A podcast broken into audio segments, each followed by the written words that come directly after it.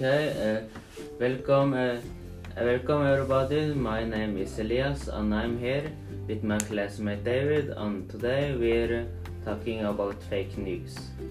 Fake news is one of the biggest issues in the current world, especially in this uh, technological generation. Fake news is easier, easily one of the e- easier now, easy now than ever because of social media. Nowadays, now, nowadays uh, anybody can post an article online or any on social media and claim it as facts, even if it isn't. But this isn't anything new. In fact, fake news have existed since news, newspapers were a thing. And, it, and the only difference between now and then is basically that it's easier to produce. That's why it's important to uh, think critically uh, about the things you see, uh, read, uh, read and hear in the media. In this podcast, we're going to talk about fake, how fake news affects uh, society, politics, and even the presidential election.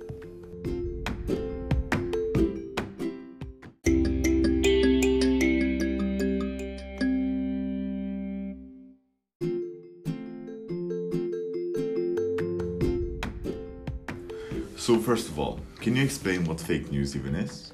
Uh, yes, well, uh, it's basically untrue information presented as news or, affair, or facts. But, uh, doing, but how do we know if the media we consume is true or not? Well, it can be hard, but the easiest way to spot fake news is to see who made it. If you're reading an article, for example, uh, you should see who wrote it. If it's written by a professional journalist, then you are more sure to be given the right information than, for example, if it's written by a random website. But, but even if it's written by a professional journalist, you should still think about what you read. Because even the professionals can be consumed in bias and fake media spread around them and uh, give you all fake news back. Politics, for example, are ironically notorious for bringing fake news into the public. And uh, we're not all saying all politicians make fake news or bring fake news up to the people, uh, but uh, yeah, but many politicians also bring true news. It really depends from country to country. Countries like Norway have mostly good news uh, and trustworthy ones. But places like the US and especially countries with uh, dictators have proven to lie and spread fake information in their news. Yeah, that's very true. North Korea, for example, lie to their people all the time. Uh, a funny example of this were back in the early 2000s when uh, the North Korean dictator Kim Jong-un said that he invented uh, the food hamburgers back in the year 2000. Uh, this is obviously not true, but but he said that.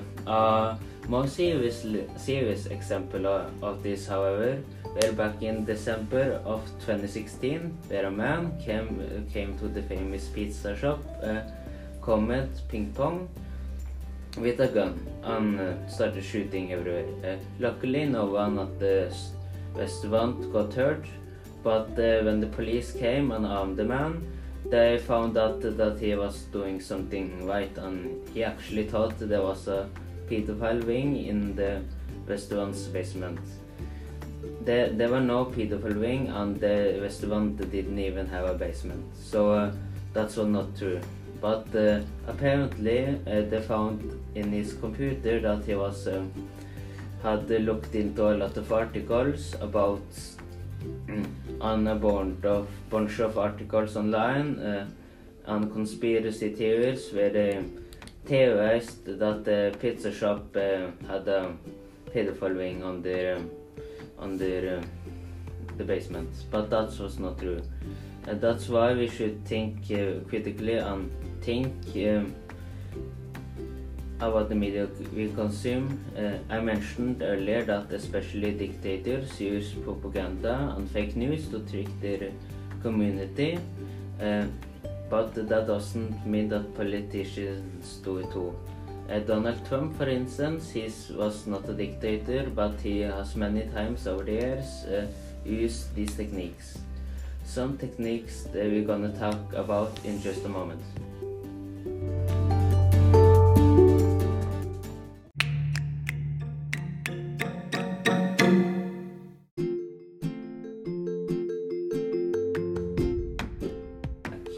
Said earlier, Trump is notorious for uh, claiming uh, claiming fake news on things that aren't true.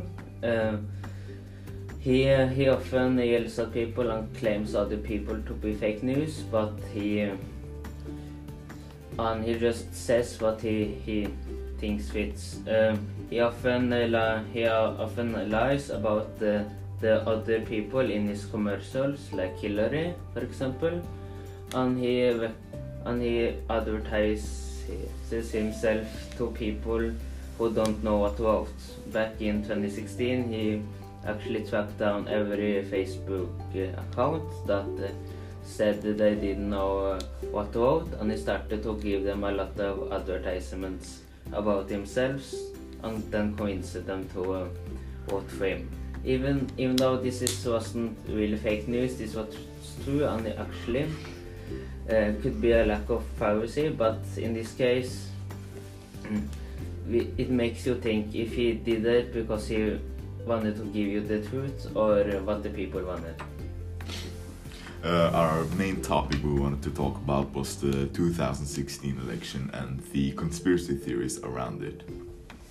It was theorized that uh, Hillary lost because of, as people would say, the Russians, and the Russians had something to do with the loss. Uh, and it was actually proven, it was actually found out that uh, the Russians had something to do with uh, the election, but it wasn't as illegal as people would think it was. Many people thought they were sending in fake ballots or changing the ballots to say Trump instead of Hillary, but uh, their means of uh, sabotaging Hillary was actually by uh, persuading people into not trusting her.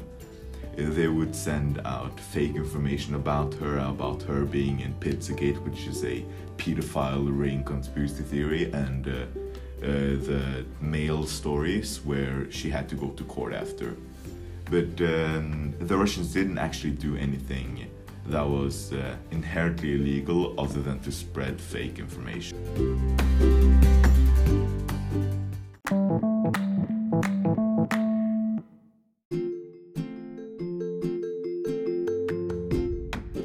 Um, we also want to talk about influencers and their role in social media. Now, personally, for me, I follow a lot of uh, liberal viewing uh, influencers, and uh, my views in politics have been affected by what they think. But it's also, uh, I mean, you don't really get to choose who you like on social media because uh, they will read your data and uh, recommend you people that they know you'll like. So I, I do think that influencers play a big role in who you support, but because uh, if you follow one maybe right wing, maybe even alt right uh, influencer, chances are you're gonna get more of them and you're gonna get sunk into this rabbit hole where you're getting fake news everywhere. And uh, yeah, that's how uh, many alt right or alt left people are uh, like created.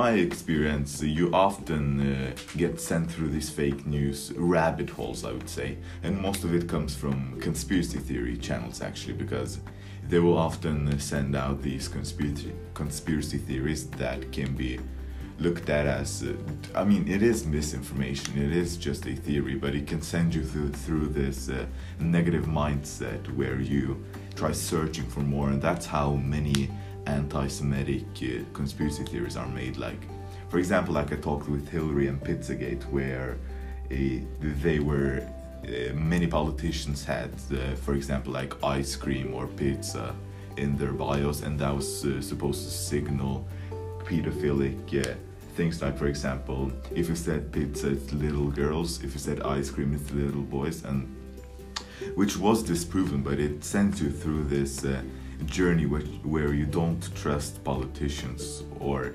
specific politicians as much as you should.